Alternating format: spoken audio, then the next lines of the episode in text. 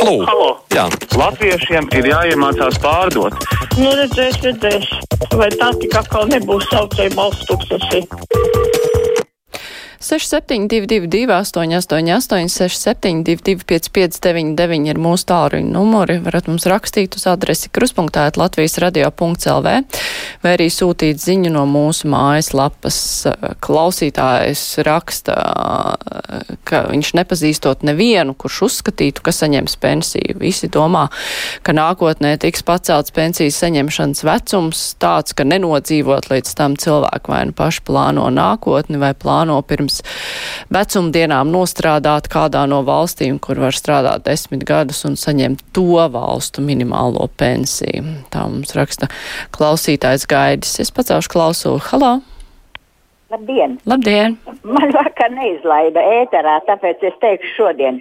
Es pateicos visiem radio darbiniekiem, uh, nu, visiem, kas veido, kas, kas rada un, un izpilda, jo radio programmas uh, Jāņos bija brīnišķīgas.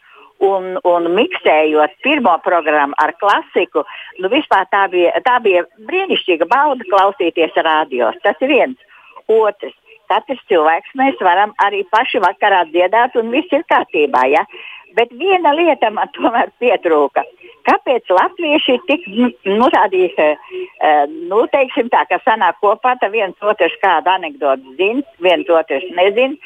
Nu tā, es domāju, ka mums taču ir tik brīnišķīgs anekdošu krājums.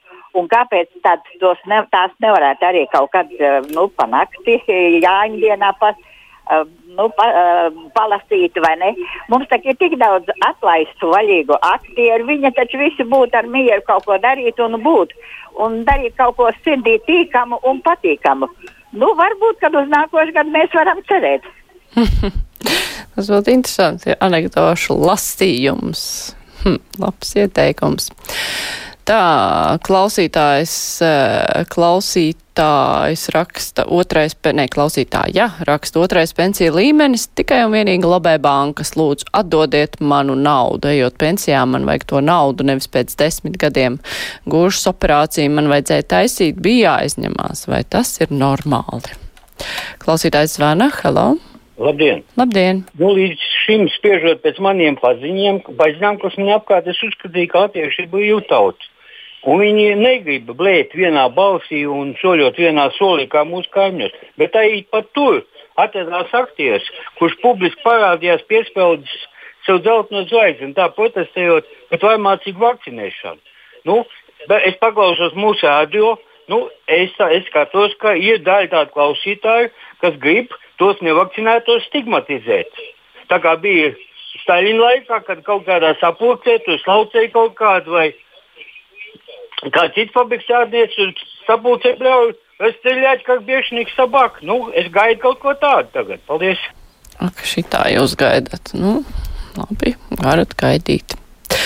Ināra raksta, pensiju modeli ievies saskaņā ar Pasaules bankas ieteikumiem ne tikai Latvijā, bet arī visās Višegradas un Baltijas valstīs. Šodien tikai Latvijā tā ir saglabāta. Pasaules banka ir publiski atzinusi, ka šis eksperiments bija kļūda. Vēl daudz argumentu, kurus šeit nav iespējams pieminēt. Protams, skaidri jāapzinās, ka banku lobbyis izmaiņas nepieļaus. Tā mums raksta klausītāja Ināra. Es pacaušu klausulu. Halā! Labdien! Labdien! Es vairāk gribētu par vakardienas raidījumu, bija par, par uh, vakcinēšanos. Kā tas iznāk? Yes, vai vecākiem būs tiesības nelaist sku, bērnus uz skolu, tādā skolā, kur skolotāji nevakcinējas? Te gan viens kungs brēca par Staļina laikiem, bet ka tagadējos laikos tiešām vajag ieviest uh, obligāto vakcinēšanos. Savādāk ar to sērgu netiks galā. Pārāk daudz tādu cilvēku, kas negrib neko darīt, tikai brēc, ka valdība pie visa vainīga. Paldies! Mm -hmm. Par tām skolām es nezinu, bet nu, pagājušo gadu, pagājušo mācību gadu kamēr bija klātienes mācības un vecāki, kur baidījās laist bērnus uz skolas, viņi varēja kārtot māju mācību, lai gan nu, tas arī diezgan sarežģīti, protams. Klausītājs zvana Halā. Halo! Labdien! Es gribētu pateikt par to motivāciju kaut ko darīt. Jo, redziet, tai tautai viņi visu laiku skatās visas šīs muļķības, kā tā, kā tā valdība tur ņemās. Kā viņi to ilgi aizsūtīja mācīties uz Ameriku, kā viņi tur oisūri nenopirka tās vakcīnas. Ja? Kā jūs saprotat, ja no vienas puses valdība runā taisnību, ja ka vajag vakcinēties un jo vairāk vakcinēsies, jo viņi jau arī mazāk izplata. Bet no otras puses man liekas, tur ir kaut kāds melnais antipieru nolīgts, jo muļķīgāk, jo labāk. Ja? Un tad viss šitā, un jaunā ministra, vai ne? Un viss jau tā, saprotiet, tā uzticība jau ir sazinkur, ja?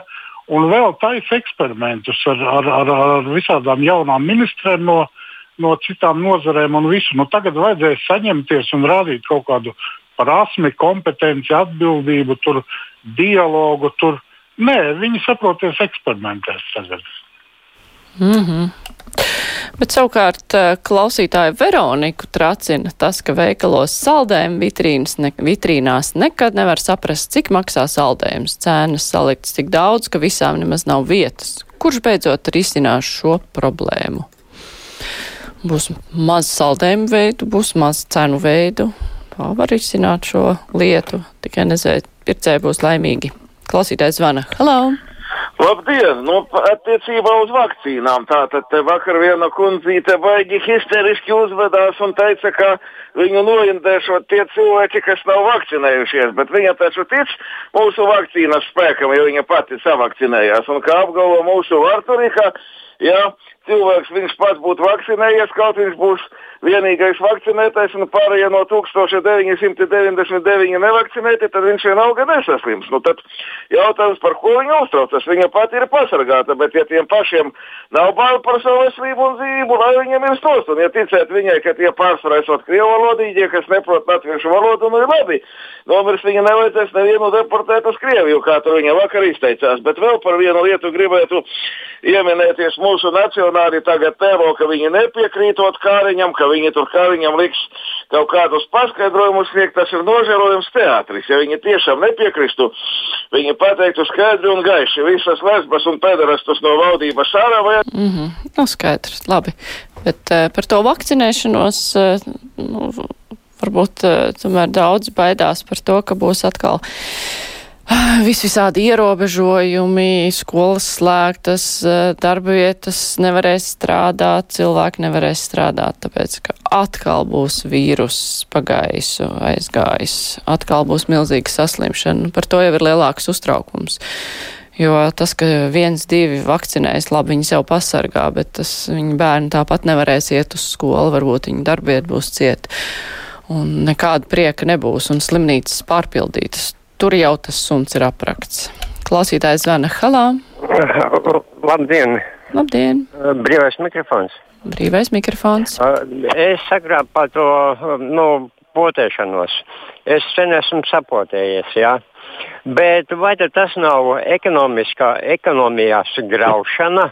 ar tiem cilvēkiem, kuri nepotējās, kur propagandē nepotēšanos. Tā jau ir vienkārši ekonomiskā diversija.